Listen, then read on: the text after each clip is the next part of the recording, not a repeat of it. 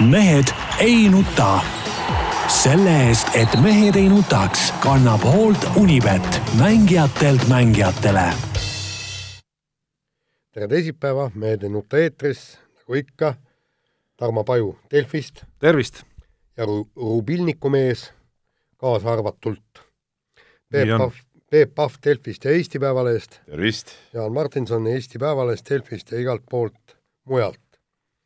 Noh, mehed, mis südamel, täna lugesin huvitavat uudist, et äh, Ratase valitsus siis hakkab nüüd arutama, et, et, et me maksame liiga vähe maksu ja maksu tuleb tõsta.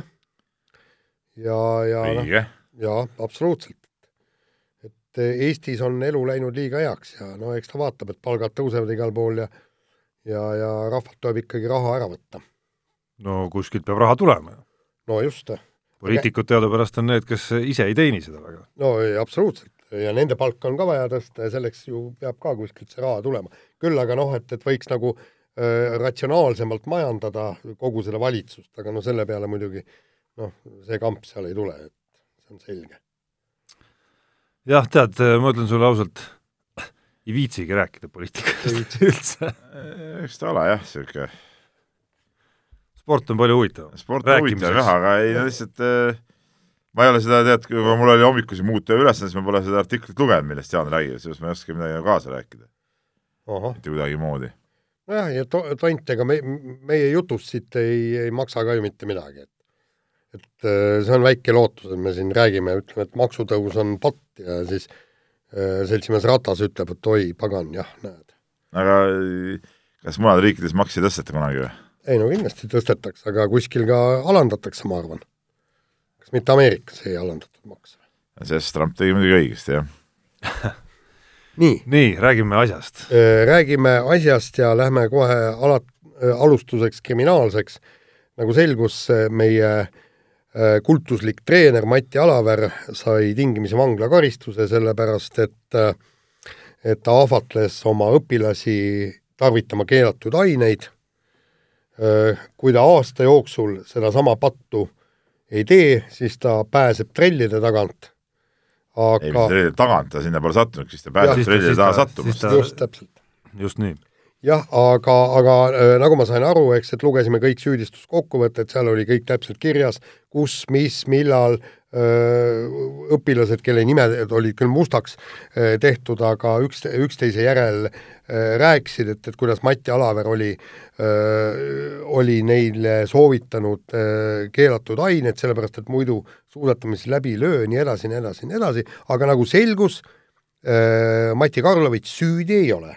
No tegelikult ta siiski on, et kui sa nüüd võtad, see on huvitav sõnademäng selle kokkuleppe menetluse juures, et kui sa võtad äh, lahti äh, alustuseks siis Harju Maakohtu saadetud äh, teate selle kohta, mida siis täpselt otsustati ja, ja ära fikseeriti selles nii-öelda kohtuvälises kokkuleppes, siis äh, see algab sõnadega kohus tunnistas endise suusatreeneri süüdi dopingu kasutamisele kallutamises. see, et äh, Aivar Pilv äh, ja kui, kui Mati Alaver midagi ütleks, siis ilmselt ütleks ise ka, ütlevad selle juurde, et kokkuleppemenetlus ei tähenda, et nad pidid oma süüd tunnistama, noh, see on umbes sama hea, et äh, mõistetakse Villu Reiljan kohtus süüdi mingis noh, mingis korruptsiooniteemas ja ta pärast kohtuistungit ütleb, et ta ikkagi ei tunnista ennast süüdi. noh, see on, tegelikult on see umbes sama. põhimõtteliselt küll, jah. süüdi on kohus ta siiski tunnistanud. ei, no selle, loomulikult. selle kokkuleppe peale Mati Alaver on läinud ja, ja need nii-öelda järgnevad kommentaarid seda ei muuda tegelikult.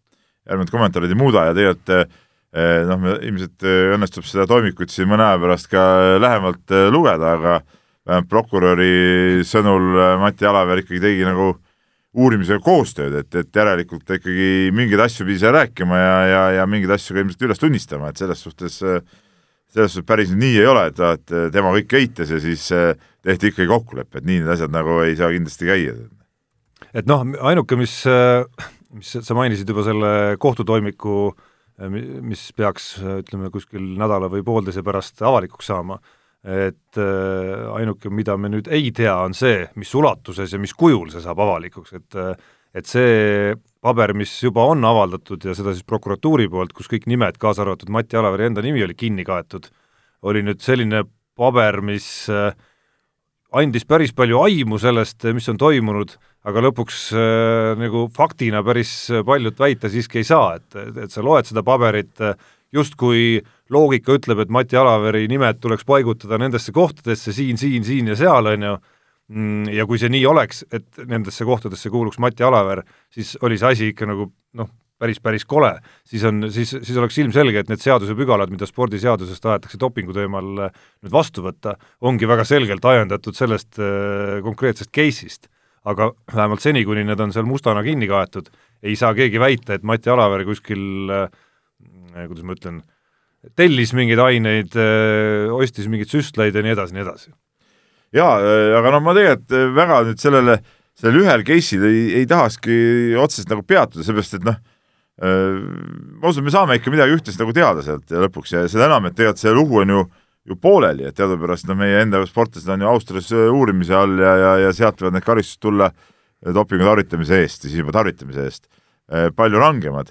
Küll aga on ikkagi see laiem kontekst, mis, mis kogu selles loos on, et on ju ilmselgelt on ebareaalne ju, et Mati Alaver tuli selle asja peale kahe tuhande kuueteistkümnendal aastal, et kui nad hakkaksid oma poistele äh, Äh, siin soovitama veredopingut ja kasvuhormooni just pärast seda, kui ta oli siin mõned aastad tagasi suurest kasvuhormooni äh, skandaalist Andrus Veerpaluga seoses nagu välja tulnud juriidiliste nõksude abil puhtalt ja Aivar Pilve ja, ja, ja teadlaste äh, mingite juttude abil. et see paneb ikkagi, ikkagi sellesse valgusesse kõik need eelmised lood ka ja, ja näitab, et esiteks punkt üks, see, see Veerpalu lugu iseenesest polnud, polnud ikkagi puhas ja õige, pluss Vitali Bernatski need vahepealsed ülestunnistused äh, kasvuhormooni kasutamist, et selge see, et et äh, noh, ma praegu saan öelda ainult oma oletusi muidugi, ma ei saa fakti, mul ei ole, aga aga see tundub, et, et, et ikkagi kogu see protsess on käinud ikkagi äh, aastaid ja aastakümneid juba. jaa, aga mul tekibki küsimus, et mille pärast, kas, kas on mingisugune seletus või mingi konkreetne põhjus, et miks uuriti just neid ainult, ainult viimase paari aasta öö, Mati Alaveri tegusid? miks ei mindud äh, veidikene kaugemale? just, just sinna Veerpalu ajastusse esialgu. no mulle tundub, et see põhjus on ju tegelikult lihtne, et, äh, et tänu Austrias, Saksamaal toimuvatele uurimistele on olemas päris palju materjali, et et seal nagu lisatööd vist väga palju, ma kahtlustan, ei pidanud meie kohalik prokuratuur tegelikult tegemagi ei no jaa, aga, aga oleks ju võinud teha ja oleks ju võinud äh, anda sellele asjale ka natukene laiem pilt. just sellepärast, et ma arvan, et, et seal, seal oleks ju äh, oleks ju uurimisorganitel võimalus asjas palju sügavamalt tuhnida, kui, kui on kriminaalmenetlus, eks. Noh, nagu me oleme siin ju rääkinud, telefonikõnede väljavõtted, krediitkaardide väljavõtted, igasugused kõik muud, pluss ülekuulamised, eks, et oota, Jaan, siin on niisugune asi, ma ei ole küll mingi krimispetsialist, aga minu arust siin on nii-öelda kuriteo episoodid ja asjad on nagu nii erinevad ja, ja erinevad case'id, et neid omavahel liita ma ei tea, kas niimoodi üldse saab. no siia pluss siin on üks pügal ainult praeguses ja, Eesti ja. seaduses, mille alusel eh, nii-öelda dopingukuritegusid üldse süüdi mõista, see kallutamise see... moment. nojah, aga see kallutamise moment et siis antud me... juhul oleks ja. vaja tõestada, et äh, kui, kui noh, näi-, näiteks äh, tuleks ära tõestada, kuidas Mati Alaver kallutas Andrus Veerpalu dopingut tarvitama. nojaa, aga, aga ma arvan, et, et see ei ole nagu probleem. arvad? ma arvan küll, et miks aga kuidas sa tõestad no, seda? Ei no ma, ma veel kord ütlen, kuidas võeti vahele Lance Armstrong. nojah, aga sa praegult ei saa enam teha ju telefonikõnede väljavõtteid kahe tuhande üheteistkümnendast aastast. miks sa ei saa, oled sa kindel, et need pangakaardide väljavõtted, kõik need, need on ju kenasti säilinud ja, ja kõik muud no,. telefonikõnesid ma küll ei usu, et sa kuule, järgmine, järgmine asi on see, et, et, et aitaks ju selle, sellest, et, et üles otsida see kodanik kes andis teada Eesti antidopingu agentuurile, et mis kell ja millal oleks vaja Veerpalut kontrollima minna ja kontrollida just kasvuhormooni.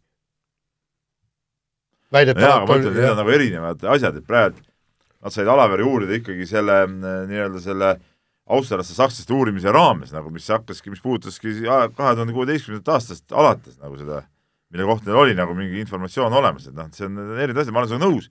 jah, mina oleks tahtnud ka teada saada, mis, mis seal varem kõik toimus, aga ma lihtsalt arvan, et puht, puht juriidiliselt neil ei olnudki võimalik seda uurida, vaevalt et prokuratuur oleks jätnud seda äh, meelega nagu uurimata või kuhugi selle kalevi alla lükanud. aga noh, nii palju on eh, kindlasti mõistlik, ma arvan, sinna vanasse aega minna, et kas või siin, Peep, sa mäletad ju väga hästi, sa olid ise üks nagu ajakirjanduse poole pealt üks peamisi tegelasi, kes Andrus Veerpalu eh, seda nii-öelda esimest suurt dopinguskandaali kajastas, saite mõlemad Tuuli Kochiga kõvasti rappida, tänu sellele, kui rajult ikkagi siin Suusaliit ja kõik need tegelased tagasi ajasid kõike, mis no juba seda, et üldse mingi positiivne proov on olnud, eks, see läks mitu päeva aega, et et see lõpuks kuidagimoodi omaks võeti, on saanud siin rappida Kärt Anvelt oma Bernatski asjadega, et tagantjärgi ma isegi ütleks, sul nagu isiklikult oleks täitsa põhjendatud olla nagu päris vihane ausalt öeldes ah ei, ma, ma neid asju nii ei võta ja, ja, ja mis see vanad, vanad värgid, mul mingi isiklikku viha siin ei ole, küll aga, aga ma tahaks teada nagu tõde.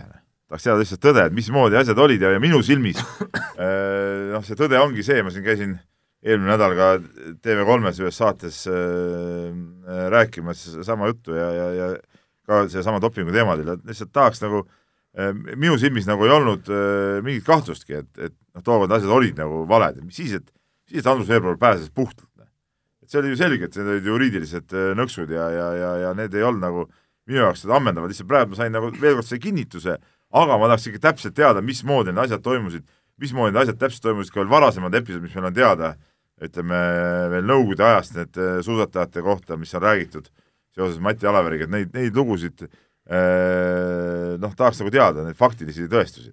ja kui suur see mastaap tegelikult oli juba kahe tuhande üheteistkümnendal aastal näiteks, kui veebruar vahele jäi, ma ei usu, et siis see ainult veebruari puudutas tegelikult. no see tundub ka nagu ebareaalne.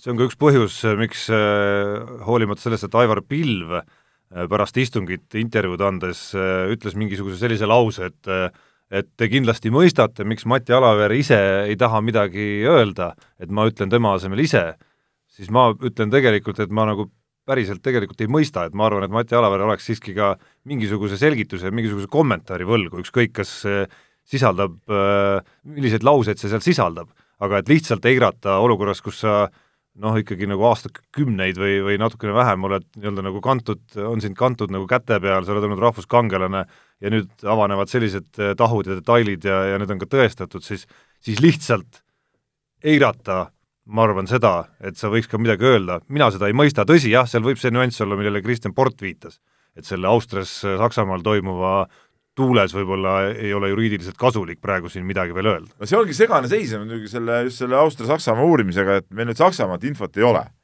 aga Austriast nagu tuli info, et, et seal väidetavalt Aleveri nagu ei ole selles case'is, kuigi samas meie oma Äh, prokurör ütles, et, et tema teada nagu on, et, et see ongi nagu segane värk, et võib-olla seal on mingid ka jälle mingid erinevad episoodid, et, et küll aga Austrias kindlasti meil on äh, Innsbrucki prokuratuuris see kiri olemas, paari päeva tagune, et äh, Karel Tammjärve ja Andreas Veerpalu uurimine seal kestab ja, ja, ja nendel on seal igal juhul kriminaalasi kaelas see on nagu, see on nagu fakt.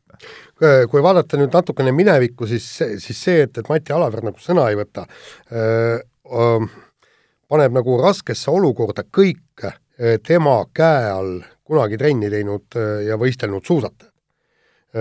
Sest no selge see, eks, et, et noh, Andrus Veerpalu oli probleeme keelatud ainetega, eks. nii, aga, aga kuidas teistega on? sest seal oli noh, mäletate, tuli jutuks, et, et ja, ja seda muide mainisid ju ka need, kes, kes nüüd vahele jäid, et Mati Alaveril olid lemmiklapsed, kellele ta siis pakkus keelatud aineid ja te, teistega nagu noh, see, sel teemal nagu juttu väga ei olnud.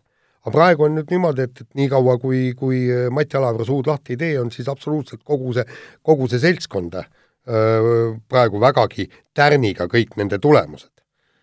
et see on üks asi, teine asi on ju selge, et, et kui ta suu nüüd lahti teeks, eks ta, tal on ju saadud preemiad ja, ja, ja kõik, mis, mis, mis, mis asjad iganes, eks. ja, ja kui ta nüüd ütleks jah, ka Andrus Veerpalu pani pilli, siis asi läheks juba ju materiaalseks. Ma ei tea, kuidas tal sponsoritega on, kas ta, kas ta peaks need preemiasummad, kas ta EOK-le peaks selle nii-öelda tundus, tundus ju loogiline, et siin igal juhul see on otsus vastu, et tuleb nagu tagasi maksta sel juhul. jah, et, et see on ju selge, väga, väga selge materiaalne põhjus ja, ja, ja muidugi nüüd ma saan ka aru, et, et, et see on kaks täiesti erinevat uurimist, mis on Austrias. Austrias uuritakse konkreetselt sedasamast juhtumit, kui suusatajad süstisid endale verd sisse. Aga sakslased Saksamaa on, uurib jah. seda verelaborit ja, ja sealt ja seal oli Mati nii et rohkem nagu seda võrgustikku ja, ja seda, kus, kus väidetavalt oli mingi tegelaskuju kindral, eks ole, mille, mille puhul on viidatud, et see pidi olema aga tal muuseas ei olnud seal kohtusaalis, ei olnud äh, mundrid seljas ja neid paguneid, tärniga paguneid peal, ma ei no, tea, noh. kas see on nüüd mingi konspiratsioon või? ei, see võib ollagi konspiratsioon, et tal tegelikult see kindrali vorm on äh, kodus ja riidev ja, ja absoluutselt, jah. Huvitav, kas ta Cortic ka on või oli Cortic ka? ei, ei, admiralidele ja, ja. aga noh, tulles tagasi selle alguse juurde, et seesama äh, nii-öelda kohtumaterjalidega tutvumine, mida nüüd Eesti ajakirjandus kindlasti kannatamatult äh, ootab, et äh, seal võib peituda ju see konks, et, et me ei, me ei tea hetkel, millises mahus ja millisel kujul üldse need materjalid äh, otsustab kohtunik välja anda. ehk siis äh, seal, et seal võib nagu avalikkuse jaoks minna selles mõttes äh, nagu nukralt, et, et seal tegelikult ei näegi midagi rohkemat või näeb isegi veel vähem kui sealsamas süüdistusmaterjalides, mis on avaldatud juba. jaa, aga, aga ma pigem ikkagi arvan, et, et, et me näemegi sealt väga vähe, et, et ega, ega sinna uurimises ju juurteni välja, välja ei mindud. ei, aga me ju ei tea, kuhu mindi. ja me ei tea ja. seda. no see, jah, saame aga, teada, kuhu välja jaa, aga, aga me ei saagi, ma kardan, et ei saagi teada. ja see on tegelikult see põhjus, miks ma olen natukene ka pettunud, et et, et see asi nagu ikkagi lahenes sellise kokkuleppe teel. et, et ma oleks nagu oodanud võib-olla prokuratuurilt soovi minna sellega nagu päris kohtusse ikkagi nojah, et, et need asjad nagu, et need asjad nagu veel selgemalt äh, nagu läbi rääkida ja selgeks teha kuidas, et, ja üle rääkida. kuidas need kohtupraktikad on, et, et kui kui äh, süüdistatava ja tema kaitse poolt tuleb ettepanek minna kokkuleppemenetlusele, et kuidas see praktika nagu on, et kas siis see võetakse üldjuhul vastu või või mitte või sõltub see mingist kuritöö no, juhtumid on erinevad kuritöö raskusest, et äh, aga, aga jah, et selles suhtes äh, muidugi oleks olnud hea, kui oleks saanud need lõpuni kõik välja, välja selgitada, need detailid jah, aga üks on muidugi selge, vot äh, siis, kui oli see Veerpalu case äh, kaks tuhat üksteist äh, üles tõusis, siis ma mäletan, et et Suusaliidus olid väga paljud, väga paljud inimesed tõesti helistasid ja sõimasid ajakirjanikke lolliks ette läinud. Räägiti, et Veerpalu oli teadnud midagi ja, ja ei no seal oligi väidetavalt, nad tõesti seal nutsid seal äh, telefonitoru otsas ja kuidas me saame süüdistada, need on nii äh, kenad, ilusad ja puhtad, toredad inimesed. Ja ma arvan, et, et Ma, äh, Mati Alaveri tutvus ja lähedaste ring ilmselt va, äh, nägi ka teda nagu teises valguses. vaevalt, et nad uskusid, et, et, et tegu on ikkagi vennaga, kes noh, lihtsalt õpilastele räigelt pille sisse söödab. ma arvan, et vähemalt see on ka nüüd pluss, eks. et, et need inimesed nägid ära, et, et, et, et tegelikult ajakirjandusel olid äh, tol ajal õigus, kaks tuhat üksteist. laseme kõlli. laseme kõlli. reklaami ei olegi, kõigil on rehvid all juba. ahaa, mul ei ole veel muuseas. sul ei ole, ma täna hommikul panin. Ma pean nüüd minema, mul on õlivahetus ka autol ja kakssada kilomeetrit õlivahetuseni oli veel täna hommikul kiri ees, nii et peab minema. Aga, aga samas, samas on nüüd küsimus, et talv üldse tuleb no sel nädalavahetusel juba miinused. no miinused on siin mõnikord varem ka olnud, aga kokkuvõttes on ikka nii soe, et täna hommikul oli kaheksa kraadi, kui ma tulin äh, kodunt välja. jah, no põhimõtteliselt jaanipäeva ilm. jah, jaanipäev, tavaline jah, niisugune Eesti jaanipäev. nii, aga kiire vahemäng ja äh, Ott Tänaku uus boss äh, Hyundai, nagu öeldakse, mitte Hyundai, vaid Hyundai äh, boss äh, on, on, vaata inglise keeles kõik need ütlevad Hyundai. no mis asja, no me räägime nüüd nii, ta nii nagu mingis raadioreklaamis oli Volkswagen Passat, oli Volkswagen Passat. nüüd alles hiljuti, mis Passat siis, see on Passat. Meil Peebuga mõlemal on Hyundai olnud ka kusjuures ja. ja me jääme ütlema Hyundai. oota, aga kuidas, kas meil kamba peal on, et äh, kõik Citroen on kellelgi olnud? sinul oligi vist, jah? Citroeni pole olnud. ametiauto veel. Ford on. Toyota on olnud ja Ford on ka olnud. Ford on mul ka Ford olnud, jah, me, noh, meil on täiskomplekt olemas.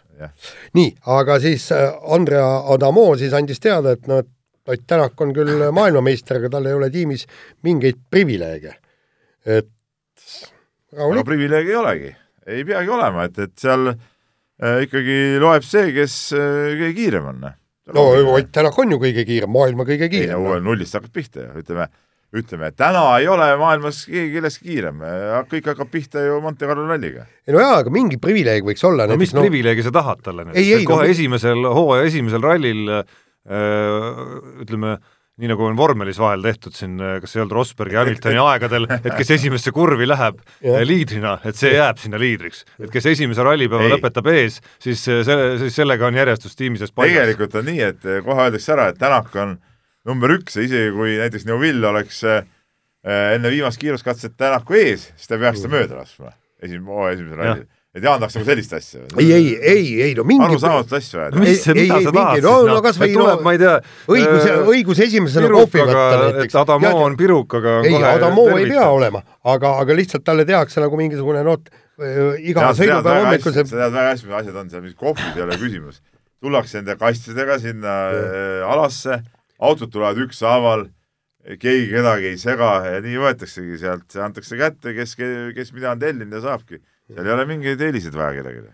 jah, aga, aga nojah, tegelikult ütleme, ütleme niimoodi, et, et Ott Tänakul saab selge see, et, et küllaltki äh, raske ja keeruline olema, sellepärast et võistkond on uus, auto on uus ja Thierry Neville noh, nagu me oleme siin ka rääkinud, eks, et Jari-Mati Latvala kombel peab ikkagi meeskonnas ennast esinumbriks ja ta on ju seda ka välja öelnud, et ma olen sõitnud sellega, teisega, kolmandaga, aga keegi pole mind võitnud. Jah, samas on Tänak korra juba isegi rohkem oma väga kiiret kohanemisvõimet tõestanud juba, et muidugi, muidugi need olukorrad on personaalsed, et, et ma ei kujuta ette, kui palju seal võib olla erisus selle Toyotaga kohanemisel ja Hyundai'ga kohanemisel. no aga tegelikult Toyotaga ta läks ikkagi esimene pool aastat läks aega. ta hakkas ju võitma te, aasta teises pooles. teises pooles, jah. nii, aga, aga rallist me veel räägime. nii, räägime korvpallist, kunagi oli meil saates rubriik ja see, see tegelikult, see väljend vist tegelikult tuli kuskilt äh, jalgpalliajakirjanikelt isegi, et ainult Eesti jalgpallis, kuhu mahtusid siis igasugused obskuursed sündmused, mida Eesti jalgpalliliigades võis, sündmused. võis ette tulla. et nüüd siis äh, on meil olemas ka rubriik ainult Eesti korvpallis, ehk siis äh, räägime Tanel Sokust, kes piltlikult öeldes täna mängis Tallinna Kalev TLÜ-s, homme Eesti esiliigas ja ülehomme juba Tartu Ülikooli särgis tagasi meistriliigas või Eesti-Läti liigas. no tehke me, mehed mulle selgeks, kuidas saab niimoodi olla, ütleme niimoodi, et, et Ott Tänak sõidab kolm, kolm rallit, sõidab Hyundai'ga ära, siis ta Siis- siis... siis ta teeb äh, Lõuna-Eesti ralli ja siis järgmised äh, rallid siis läheb näiteks äh, Fordiga. Fordiga või Citroeniga, jah ja. jah, täiesti lampi, noh. no rallimaailmas tundub natuke keeruline, aga pallimängudes tegelikult no kas, midagi väga ebatavalist ei ole, NBA-s on kümne päeva lepingud näiteks. ei no jaa, niisuguseid reisimehi küll. aga vaata, aga me ei tea, kas see Aga Tanel Sokul oli, oli kahe kuu leping näiteks. antud juhul vist Tallinna Kalevis oli see vähe pikem leping, et äh, neid äh, tagamaid, mulle tundub, ei ole veel väga põhjalikult kajastatud, et miks ta sealt ikkagi ära läks siis. Tundub, et tervisega oli korras ikkagi kõik ja, ja sellel ei, läks seal tasemel väike haiguse ja- film võis ju sees olla. ja et selles, sellel tasemel soovis ikkagi ka mängida edasi, nii nagu tõestas äh, Tartusse minek ja olgem ausad, kohe esimeses mängus ka päris äh, kõvaks toeks olemine meeskonnale. ei, eks ta oli ta- Kalevis ka kõvaks toeks, see on ka selgemast selgem. aga, aga vaata, siin ma sellest aru ei saa, tähendab võistkond palkab mängija eesmärgiga, et see mängija mängib minu hüvanguks selle hooaja ja viib meie meeskonna võimalikult kõrgele ja kaugele. Ja ühel hetkel on mängijal võimalus minema jalutada. no vot, ma arvan, et eks need Eesti need lepingud on ka nii, kui nad on. ma arvan, need ei ole päris sellised võib-olla nagu võib-olla maailmaspordis me neid näeme. ma arvan, ega ma ei tea. ei no lepingut saab katkestada, noh, selles mõttes meil on ka päris korralikud lepingud, vastavad kõikidele Eesti tööseaduse pügalatele, aga vastastikusel kokkuleppel saab lepingut katkestada kas või päevapealt, jah, kui asjad ei sobi, mis iganes põhjusel. ülemus ei meeldi, palgad viibivad, mis iganes põhjusel. noh, jah. no aga igal juhul totter on, see on totter. nii, aga äh, totter lugu on juhtunud ka vehklemistreener äh, Helen Nelis-Naukasega, kes siis Luksemburgis äh, kadettide turniir oli see vist äh,, läks oma äh, sportlast kaitsma kohtuniku eksimuse järel, seal läks äh, sõnelemiseks ja, ja päädis sellega, et et äh, treener sai musta kaardi, mis siis tähendab vehklemismaailmas seda, et kuuskümmend päeva ei tohi ta äh, võistlustel äh, juhendada ehk ei tohi võistlustel osaleda. Noh, kaarab lugu muidugi ja mina leian, et nii nagu eile tegelikult lõunasöögilauas Jaaniga arutasime, et, et ja noorreporter Kalvetiga, et liiga karmid karistused muidugi, absurdsed karistused, no see on põhimõtteliselt sama, sama asi, kui saad, saad korvpallis näiteks kaks tehnilist ja, ja siis kaks kuud ei tohi platsile tulla või, või, või jalgpallis eh, kaks kollast, mis võrdub punasega ja siis kaks kuud pead olema eemal, et, et no eks, eks natuke absurdne on tegelikult. nojaa, aga ta, aga seda enam, et seda enam, et sellised kaardid ja asjad on alati kohtunike suhteliselt subjektiivsed äh, valikud ja tegevused. ja Peep, aga, aga vaata, seal on üks, üks väike point on selle antud musta ja üldse vehklemise musta kaardi juures, on see, et esmalt antakse kollane kaart ja mina ajasin ka nagu vehklejatega äh, juttu No, ja, ja uut- musta kaardi andmine kindlasti on oluliselt haruldasem, olemata Jaa, väga, väga palju elus vehklemissaalis käinud. Oluliselt haruldasem kui punane kaart jalgpallis või eemaldamine. ei, seda küll, aga see on lihtsalt, kui sul kollane all, siis ta ei saagi muud nagu näidata kui musta kaarti. just, aga, aga seal, seal oli ka öeldi, et, et tavaks, üldiseks tavaks on see, et kui kas vehkleja või vehklejatel on muide sama, kui ta saab musta kaardi, ükstapuha mingi Eesti külavõistlustel, mis on noh, tähendab Eesti alaliidu all, noh näiteks Läänemaa meistrivõistlustel saab äh, musta kaardi, siis ta ei tohi samuti kuuskümmend päeva veelda mitte kuskil. Näiteks Eestis oligi hiljuti juhtum, kus ütleme, teda säästeti sportlas, see oli see Eskov vist, kes Esk-, Eskovit, kes noh, tema need videod on ju kõik ringi käinud, kus ta igal juhul oli eh, musta kaarti väärt ja seda kõike nagu tunnistanud ka, aga tol hetkel jäi see kaart andmata ja minu meelest oli kohtunik tookord Helen-Elis Naukase eh, abikaasa veel, et, et eh, jättis see musta kaardi andmata ja tege- ja, ja ütleme, pääses sellest niisugusest rängast karistusest, tegelikult oleks, oleks muidugi pidanud seal ka selle musta kaardi välja võtma, vibutama sellega. Ja aga, aga me, minu mõttekäik lõpeb sellega, jaa, et, et lihtsalt, et, et see on nagu totrus tegelikult, et mingi ega ütleme, väikese võistluse must kaart mõjutab niisuguseid asju. Aga, aga, aga minu mõt- mõttekäigu lõpp oli see, eks, et nagu öeldi, et kui on sul kollane kaart all, siis treenerid panevad kohe suu kinni ja vehklejad hakkavad kohe selle peale mõtlema, et nad musta ei saaks, teevad kõik selleks. ja aga, aga kui pärast kollase kaarti saamist ikkagi sa lähed veel kohtunikuga vaidlema, et, et see noh, noh, ütleme, sa kutsud ikkagi need tondid no välja. jaa, aga no kusjuures siis-, Peep ta siiski, see, see on natukene sama case ikkagi ka nagu korvpallist meil hiljuti oli siin üks, ma ei hakka täpsustama, mis nimed ja mis tegelased mängus olid, aga üks, üks mängija eemaldamine, eks.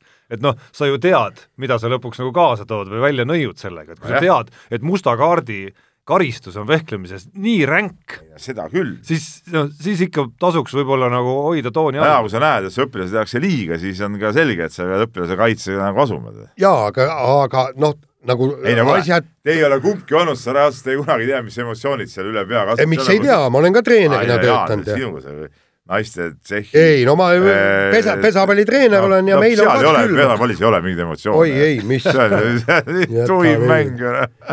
et, et ei, mis selge, emotsioonid sul seal olid siis? ei, ei no seal on muidugi selge, loomulikult on äh, emotsioonid üleval, aga, aga lihtsalt seal on noh, vot ma kujutan ette, seal, kuidas seal on Jaan nii, et, et tegelikult sämeles, jah, kui ta Ei, seal ei., kui ta seal no, veel ütleme, kolmkümmend aastat nooremana kui praegu, kui ta seal möllas tegelikult. oleks ta, näinud, kuidas ta eile möllas, kui tal siin kompuutri uuendustes äh, asjad ei sujunud ja siis tuli mingi vaene itimees tuli ja Jaan paukus seal.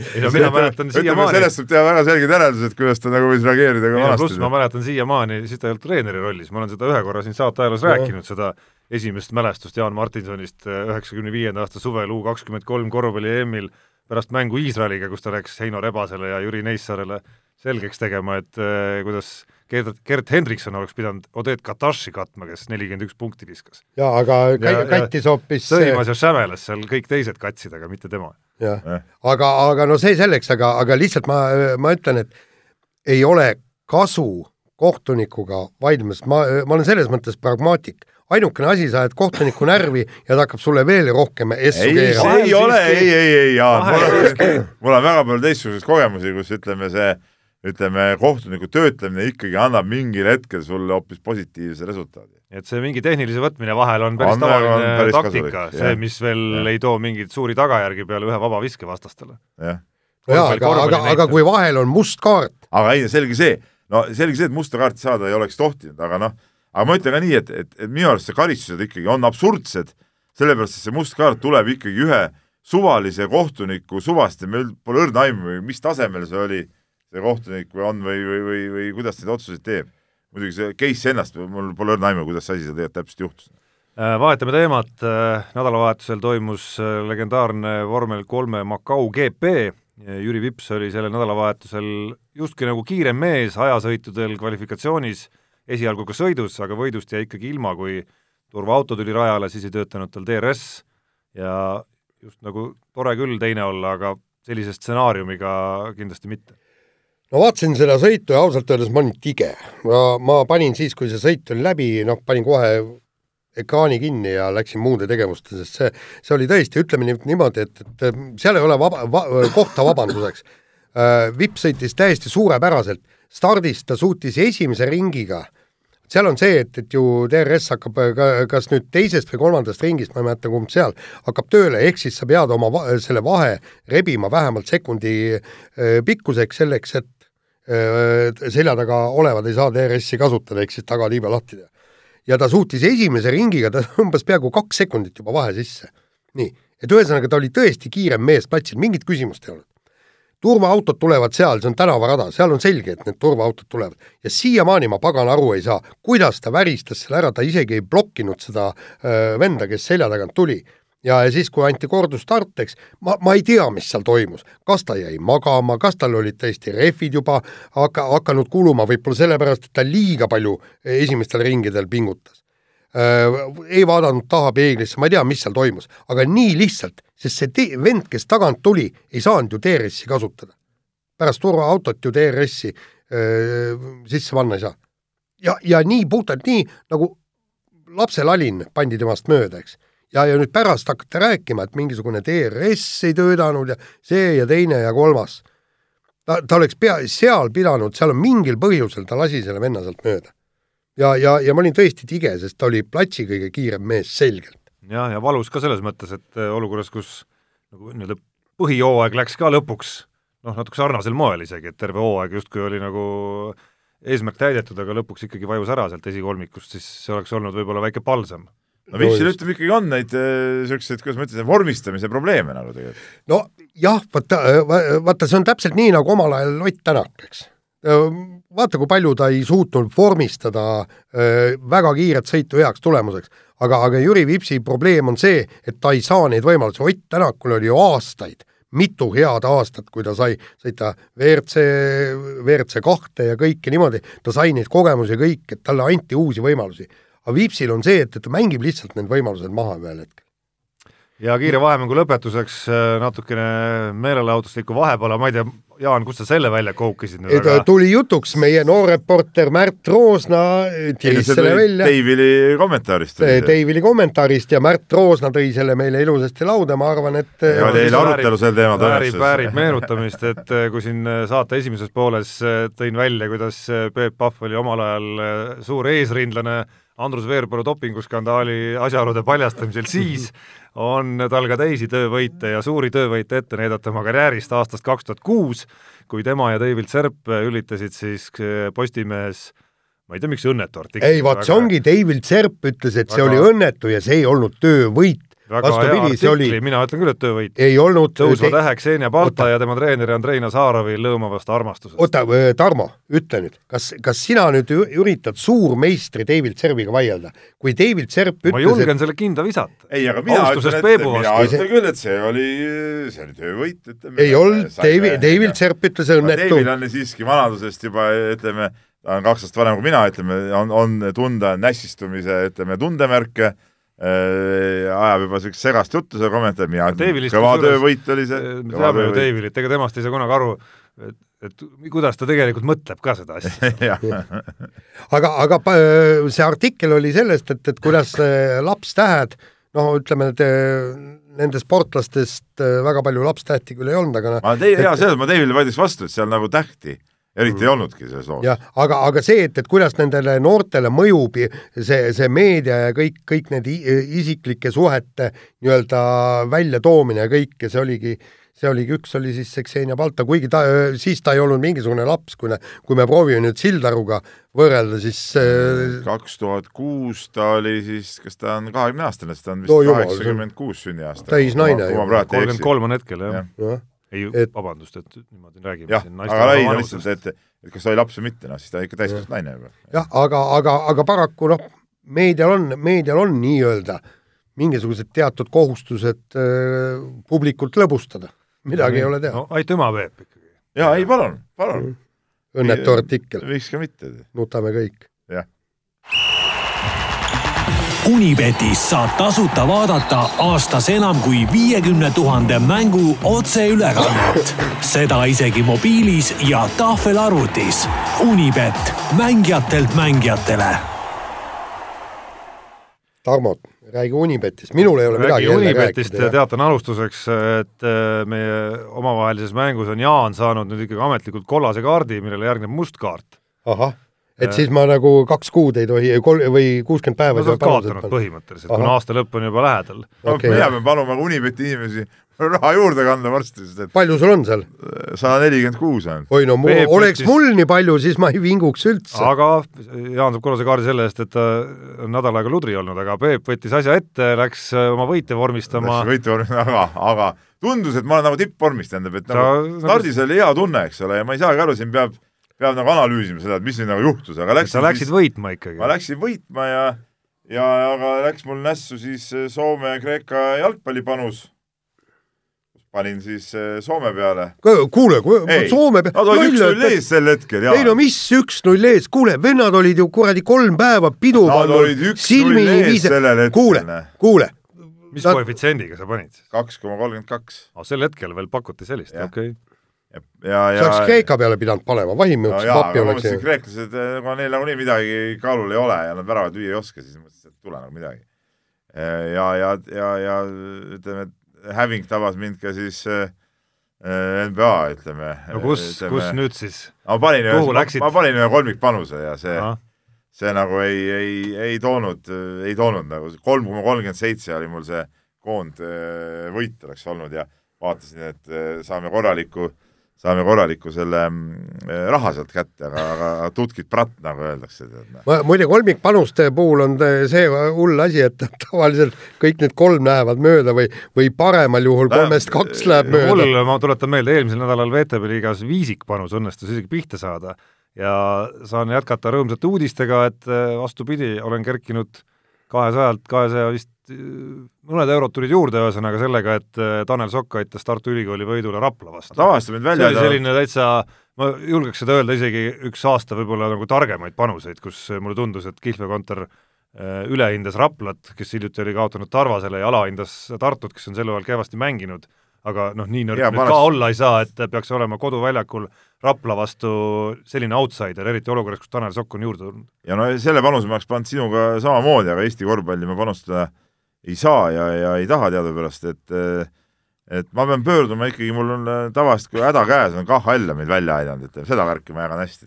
aga et, uue nädala, uue nädala mehed ei nuta eripanus on äh, üleval, puudutab tänaõhtust jalgpallimatši Eesti ja Hollandi vahel äh,, võimendatud koefitsient sellele mängule ja küsimus kõlab, kas Holland lööb selles mängus üle või alla nelja ja poole värava. alla on siis koefitsient üks koma viis ja üle on kaks koma seitse, ehk et äh, kahe koma seitsmekordselt on võimalik saada raha tagasi, kui paned pihta, et Holland lööb vähemalt viis väravat.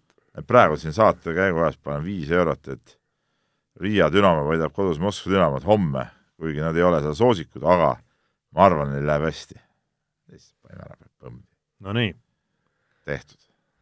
kirjad. panen veel, ah kirjad kirjad, kirjad. Peepu siin püha tegevuse juures. Yeah.. kirju nagu alati on palju ja, ja hakkame pihta, kõigepealt kirjutab Georg Sonne meile ja küsib minu kui Keila korvpallikooli treeneri käest, et eh, palun ütle, mida teeks klubi juhatus, kui võidad vastast nulliga ja ta on toonud välja siin ühe artikli, kus eh, jalgpallis eh, noorte, Itaalias oli see vist, eks ole, võitis kakskümmend seitse null meeskond ja selle selle mängu järel siis võitnud võistkonna peatreener vallandati, kuna see noh, niisugune suur võit tähendab seda, et ta ei austanud vastast ma ei oska öelda, mis oleks pidanud siis tegema siis nagu äh, mitte peale löö-, ütleme poistele, et ärge peale lööge või?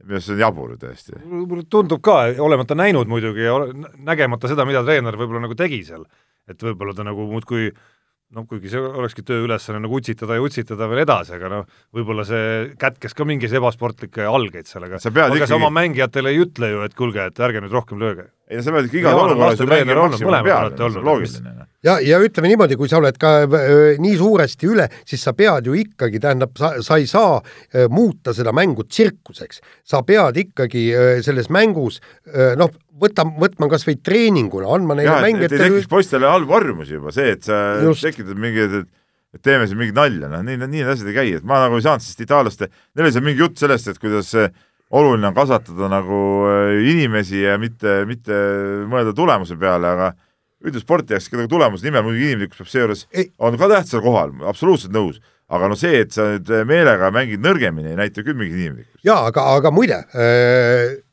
väidetavalt Euroopas ongi niisugune tendents ka jalg, jalgpallis, ma kuskilt lugesin, ma kuulsin, et, et need eriti nooremates vanuseklassides, nad skoori ei loegi.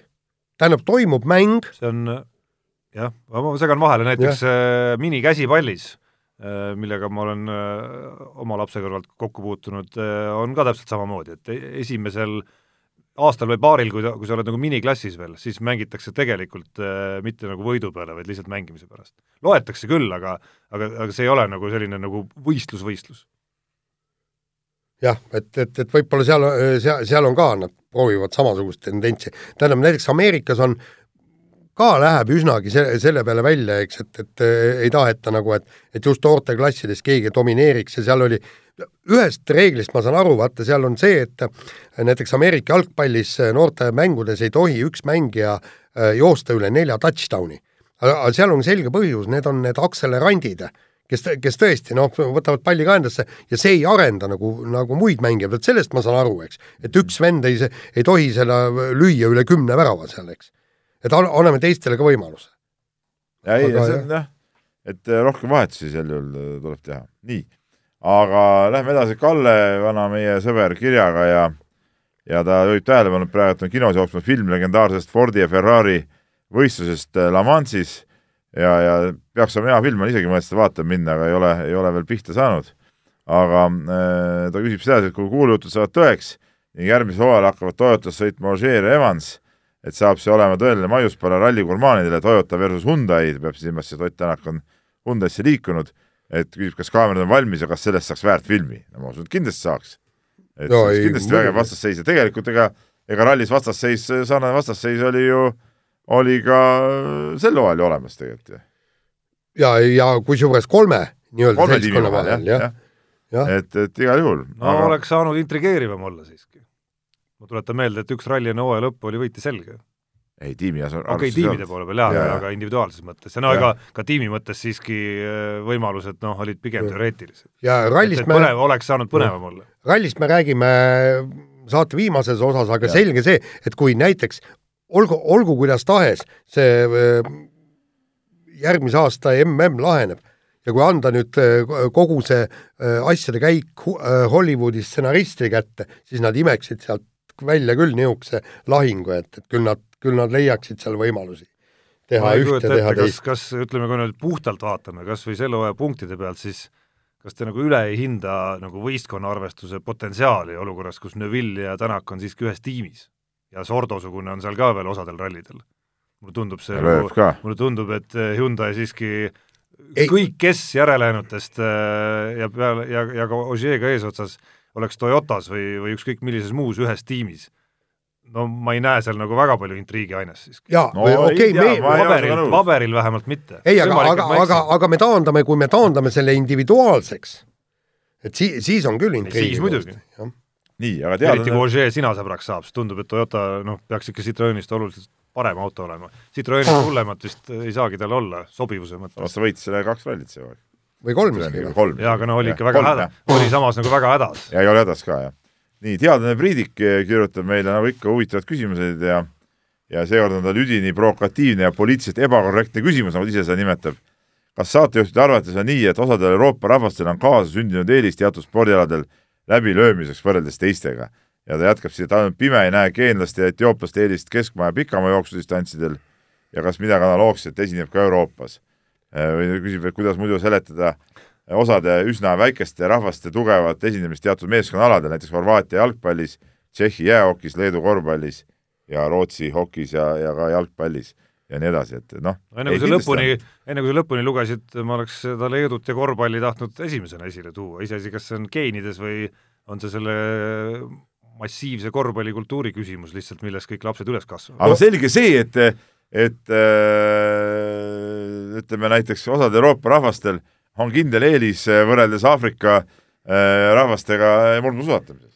seda on nagu elu näidanud ju, et kui need mustad mehed on tulnud ja paterdanud seal, seal valge lume sees, eks ole, niimoodi väga kontrastiliselt küll pikali, küll püsti, no siis ega, ega sealt mingit head nahka pole tulnud ju. Noh. jaa, aga, aga kui me hakkame nüüd võtma, eks, et need Keenia jooksjad on enamasti, elavad ju kõrgmägedes, eks.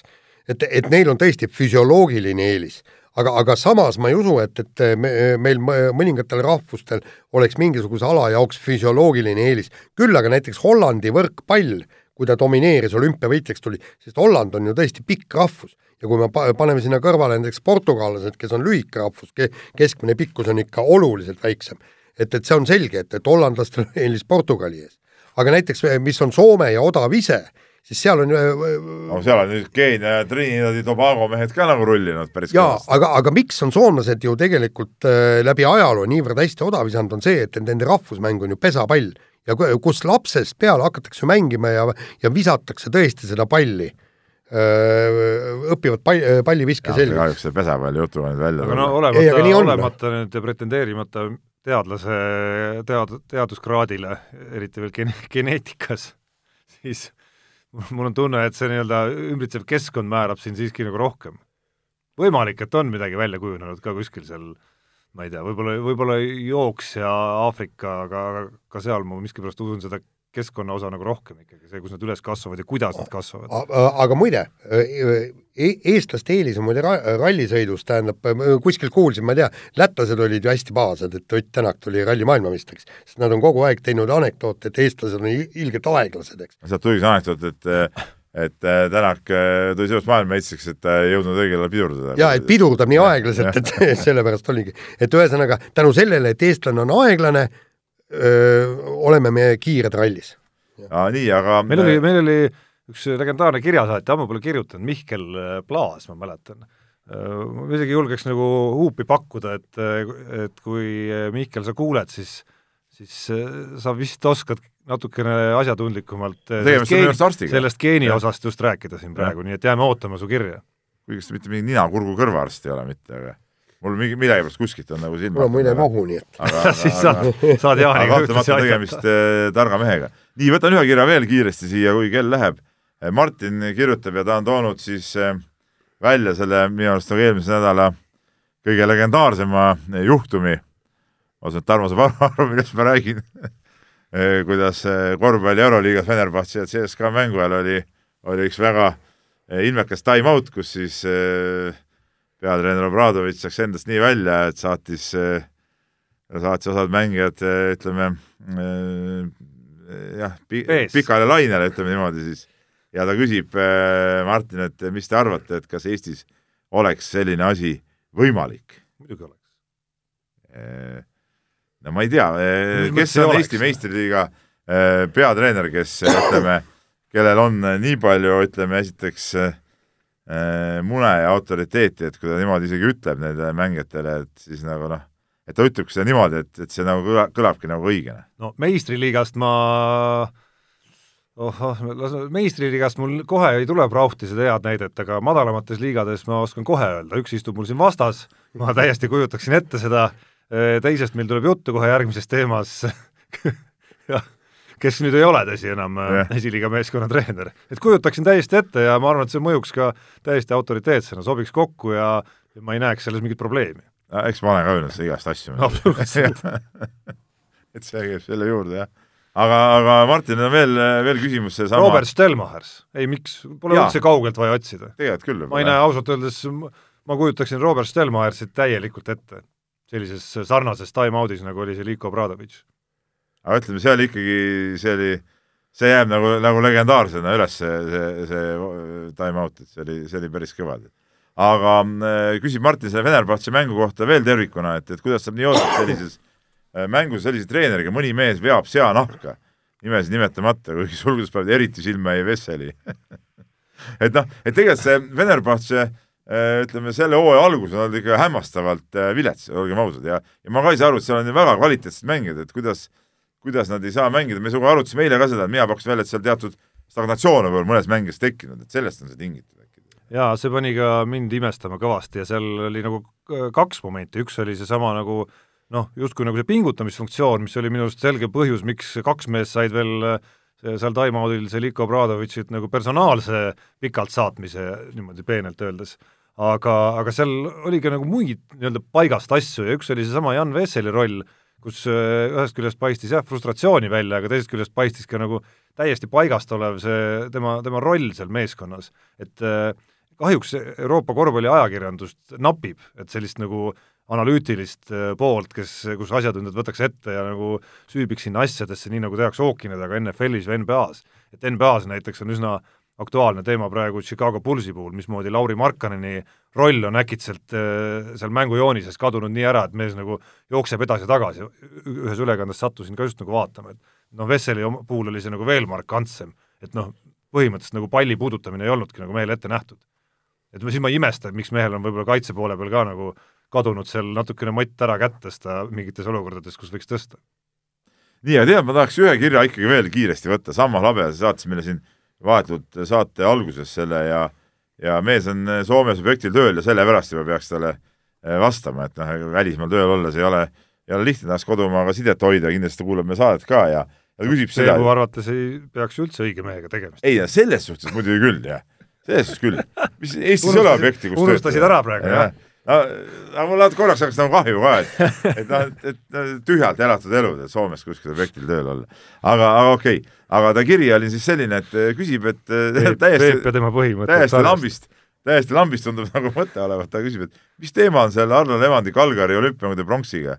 et võib-olla Jaan vanema mehena oskab mulle ära seletada selle medali fenomeni, tundub justkui Noole Kanter ja teiste meeste kuld ja tiitlivõistluse muud medalid kahvatuvad selle ühe ainsa pronksi kõrval et kas see on nostalgialaks, liidu aeg, öine ülevalolek, ühtekuuluvustunne ja nii edasi, võimendab kuidagi seda efekti, et usun suht kindlalt siiani, et kui Allar kuhugi vanakooli kõrtsi sisse astub, siis rahakottidel kaasas olema ei pea noh. No ütleme niimoodi, et, et Levand on Levandi, noh. ja Tooma, Toomas Suba tegi ju äh, produkti, produkti tähendab ise, ise, tal olid ka kõik eeldused olemas, selline Erki Noolelik figuur ikkagi. ja, ja, ja teine asi oli see, et ikka talisport on meie jaoks jube tähtis ja suusaala, suusaala, suusaala.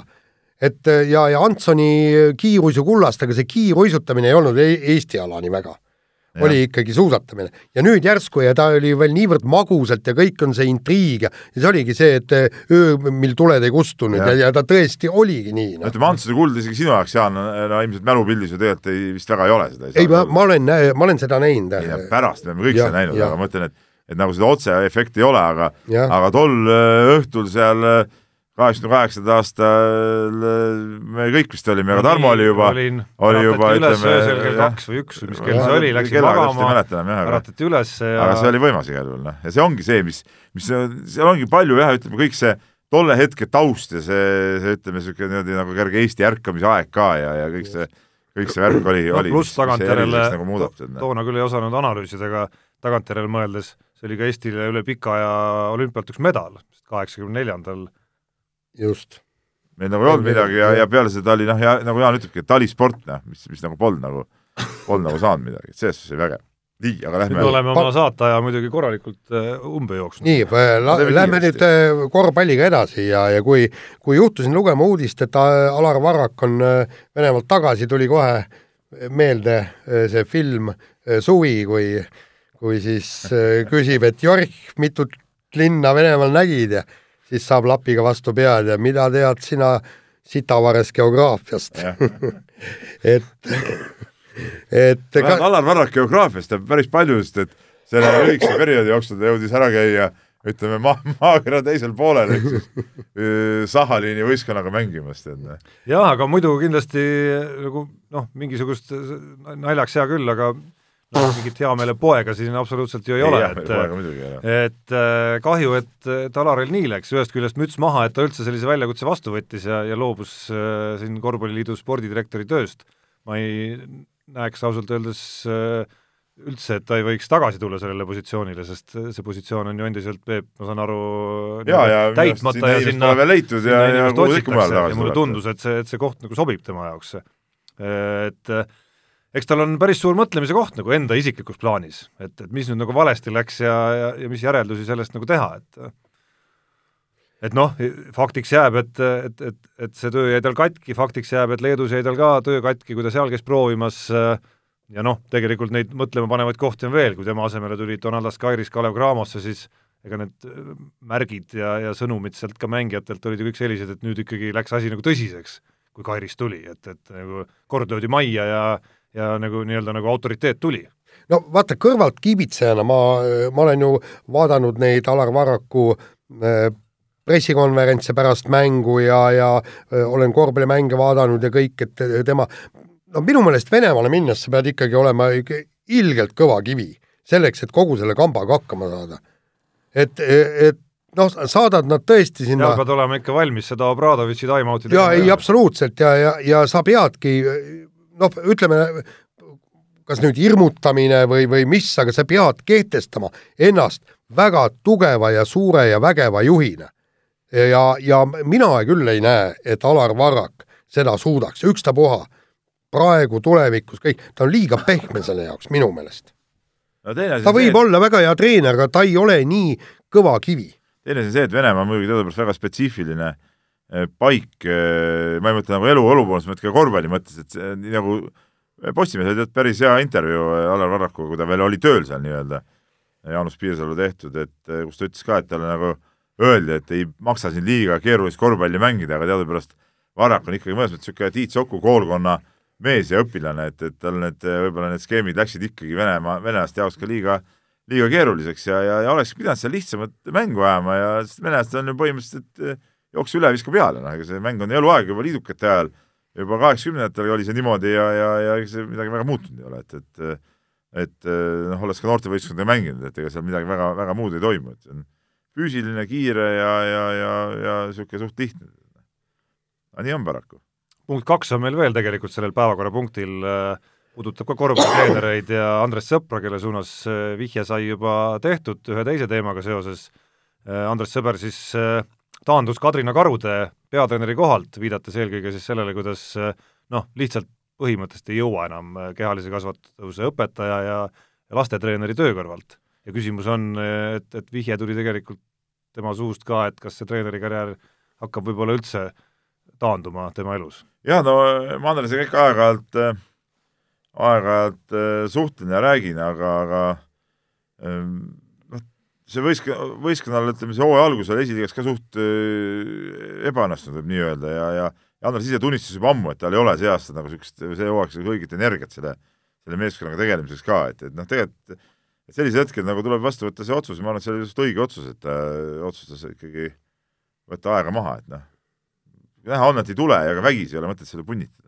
Mul sisetunne siiski ütleb, et kui siin lähema viie aasta jooksul kuskil tekib kellelgi ikkagi kiusatus talle näiteks meistriliiga treeneri kohta pakkuda, kuskil seal tasemel, siis kui nagu muud asjaolud äh, isiklikud ka soosivad, siis ma usun, et ta äkki ikkagi ma arvan, et ta võtaks vastu, ta on piisavalt niisugune äh, mees, kes võtaks vastu selle ja see ei ole üldse paha, aga ma nagu ei näe jälle väga, väga sellist äh, võistkonda, kes võiks teda nagu kutsuda meistriliigas praegu, ma ei, ma ei näe, ega meil, meil neid treenereid iseenesest, kes tahaksid seal võib-olla teha ja olla, on, on ju veel tegelikult. no üks istub meil siin laua taga, et mul põhiküsimus ongi, et kas A, Kadrina on teinud pakkumise või B, kas Ekaterinburgi Ural äkki on juba ukse taga? üks oli mingi alles sa näitasid, tulid eile, tulid eile tööle, näitasid oma briljantset liikumist U kaheksateist Eesti meistrivõistluste normaalaja viimase null koma üheksa sekundiga, kuidas mäng viidi lisaajale, et et noh, on juba ukse taga kuskil järjekord. küll on, küll on, kõik omal ajal Äh, vahetame teemat, hüppame kiirelt jalgpalli juurde. ja ka hästi kiirelt. ja teeme seda kiirelt, aga võtame mütsi maha oma põhjanaabrite ees, ehk et Soome jalgpallikoondise ees, mis äh, jõudis Euroopa meistrivõistluste finaalturniirile ja ja noh, vaadates reaktsioone, siis midagi ei ole teha, maailma mõistes tuleb, tuleb ikkagi välja, et jalgpall on jalgpall, et need pidustused, mis seal Helsingis äh, lahti läksid pärast seda saavutust, meenutasid natukene juba ma-, hoki maailmameistriks tulekut jaa, aga, aga ütleme nüüd niimoodi, et äh, need on esimene äh,, suured emotsioonid esimese pääsemise korral. sest Soome on tegelikult nii suur spordiriik, et järgmine kord, kui päästakse, pääsetakse EM-ile või, või, või siis enam, punkt üks, pidu ei peeta ja punkt kaks, juba nõutakse äh, tulemust ka. mõnes mõttes on ime tegelikult, et mõeldes, mis põlvkond Soomel siin oli eelmine põlvkond, kus olid Sami Hüübijad ja Jari Litmanenid et äh, Soome varem ei ole seda ära teinud. ja okei okay,, sellele on äh, kaasa aidanud mittetegemisele ka fakt, et finaalturniirid vanasti olid natukene väiksemas koosseisus. aga praegu see finaalturniir igaüks, kes põhimõtteliselt saada tahab. ehk siis paralleelina Soome tegi praegu sedasama, mida Eesti tegi ju kaks tuhat kaksteist äh, valikturniiril. no sisuliselt jah. jah ja. et oleks toona olnud valikturniir või tähendab, finaalturniir sama suur nagu praegu, oleks Eesti saanud finaalturniirile, siis sai play-off'i lihtsalt. jah hurraa, nii, aga lähme nüüd viimase osa öö, kallale. ma ikka enne, oota no,, enne kui me läheme viimase osa kallale, ma, ma, ma lõikan ühe, ühe jupi siit saatest praegu ikkagi nagu endale. praegu tuli ka üks email ja tegelikult tuli meil ka üks kiri sel teemal ja mul jäigi see nagu ette lugemata, et mis pagana meestepäev see täna on? ma saan aru, meil tuli nagu äh,, tuli meie personaliosakonnast, Tarmo, tuli kiri, et täna kell kaks on meil siin pitsa söömine, et seoses meestepäevaga, mina tean seda, et meestepäev on ju kakskümmend kolm veebruar ju. no absoluutselt no,. Nõukogude armee ja sõjaväestikupäev. rahvusvaheline meestepäev on iga-aastane rahvusvaheline sündmus, mida tähistatakse üheksateistkümnendal novembril. keskendub meeste ja poiste tervisele sugudevahelise suhtluse ja võrdõiguslikkuse edendamisele ja positiivsete eeskujude esiletoomisele. sugudevaheline suhtlus seda hakati tähistama, hakati tähistama üheksakümne üheksandal aastal oh, Trinidadis oh, ja Tobagos. praeguseks on see levinud üle kogu maailma. oh püha mu meie. Meestepäev, tähendab, teeme ühe asja selgeks. meestepäev oli, on ja jääb kakskümmend kolm veebruar, armee ja sõjalaevastiku päev ja siis juba kooli ajal tüdrukud tõid meile äh, Äh, kommi ja, ja, ja õhupalle, eks ole, sel puhul ja nii jääbki. no aga eesmärgid on head, kuule, ma loen. näiteks, näiteks mul vennas siiamaani alati helistab mulle kahekümne kolmandal kuupäeval, soovib head meestepäeva ja, ja nii ongi, noh, nii käibki asi. kuule, aga eesmärgid sellel päeval on ju head, et mis sul selle vastu saab olla? tunnustada positiivseid meeseeskujusid, mitte ainult filmistaare ja sportlasi, ka sind, Peep, näiteks. Ei, näe, ma tunnustada meeste panust ühiskonda aga mul on see küsimus, miks sinna, meil tuuakse pitsat, aga miks naised siia tulevad ka pitsat sööma, näe? kõik, Hampsalu oodatud kõik, sul jah, ka teie naised, mis nendel meestepäevaga ühist on, ma ei saa aru. no et ei saagi. kas sa oled kade või? ei, ma ei ole kade, aga, aga no ja küsimus on põhimõttest, et noh. Ei no sest selle päeva eesmärk, Peep, on ka parandada sugudevahelisi suhteid. minul ei ole, minul ei ole siin, minul ei ole siin sugudega mingeid äh, probleeme suhtlemisel. ei, absoluutselt, noh, jah eks see on ikka tänapäeval mingi euronoorte värk jälle. Noh. ma arvan, et sugudevahelisi suhteid peavad teatud kontingent nagu noh. ma pean, Peep, tunnistama, et olen küll vähemalt meie saate konteksti rego-, äh, legendaarne euronoor, aga see, et täna on meestepäev, tuli mulle suure üllatusena hommikul, kui mulle seda öeldi. no vot aga võtame nüüd saate kokku ralliga, mehed, pange paika, mis toimub rallimaailmas. kas Citroen paneb pillid kotti tulevikus või juba eeloleval hooajal kas Subaru tuleb tagasi ja kas tõesti Toyota saab kokku need rivid eesotsas Ožeega? no kui võtame laiemat pilti, siis Citroen andis juba välja, et äh, tähendab, teatas juba, et kaks tuhat kakskümmend kaks, kui tulevad uued autod, nemad enam kindlasti ralli MM-sarjas kaasa ei löö. ja mis on äärmiselt kahetsusväärne. Subaru andis teada, et ta tahab tulla tagasi küll, aga, aga seal oli üks miinus kogu selle asja juures, et nad tahavad äh, tulla tagasi läbi M-spordi kes hakkaks eh, siis Fordide asemel siis eh, tegema nagu nii-öelda Subaruid. vot siin on mul nüüd küsimus, kui Ford paneb õla alla eh, M-spordile taaskord ja, ja tuleb tehase tiimina tagasi, nagu on räägitud kaks tuhat kakskümmend kaks, et kas siis Subaru tuleb või ei tule? ja et..., ja teine asi on see, et mis mõte on, isegi kui kõik käib nii, nagu on M-spordi mõttes, mis mõte on neil hakata nagu vahetama seda automarki? sellepärast, et Subaru paneb pappi. Subaru paneb pappi, no siis on teine asi, eks ole mm, -hmm. jah aga iseenesest nagu nad on seda Fordi nii kaua nagu aretanud, neil on ka seda uut autot lihtsam teha ikkagi Fordi baasil kui Subaru baasil. jaa, ei, seda kindlasti, jah. jaa, aga, aga siin on ikkagi see, et, et kui, kui, kui tõesti no, oleneb, oleneb, mis mahus, ega seda pole kuskil öeldud, mis mahus see Subaru sisse tuleb sinna. ei, ei no kui ta tuleb, siis ta tahab ikka täismahus tulla, nagu nüüd tuli Toyota, ma olen üsna, üsna nagu kindel. ega Toyota on ju ka eratiim tegelikult ju Toyota ei ole teada. ei, ei, aga, aga maksab kogu selle lõbu, viimseni maksab ja. kinni ja kusjuures maksab veel nii palju, et, et sellest jääb ka Tommy Mägise firmale kasu. mitte vähe. ja mitte vähe, mitte vähe, jah. nii äh.... aga ikkagi minu arust see nagu lähem ja käegakatsutavam ja huvitavam küsimus on ikkagi uus hooaeg ja Citroen ja Ogier no, aga mina see, ei ole selget pilti saanud. ei, see, see, see on täitsa kummaline, tähendab, ühesõnaga kõigepealt kõik annavad vihjeid, et jah, Ogier peab läbirääkimisi Toyotaga ja siis ütleb Citroen, et meie peame ka läbirääkimisi Toyotaga.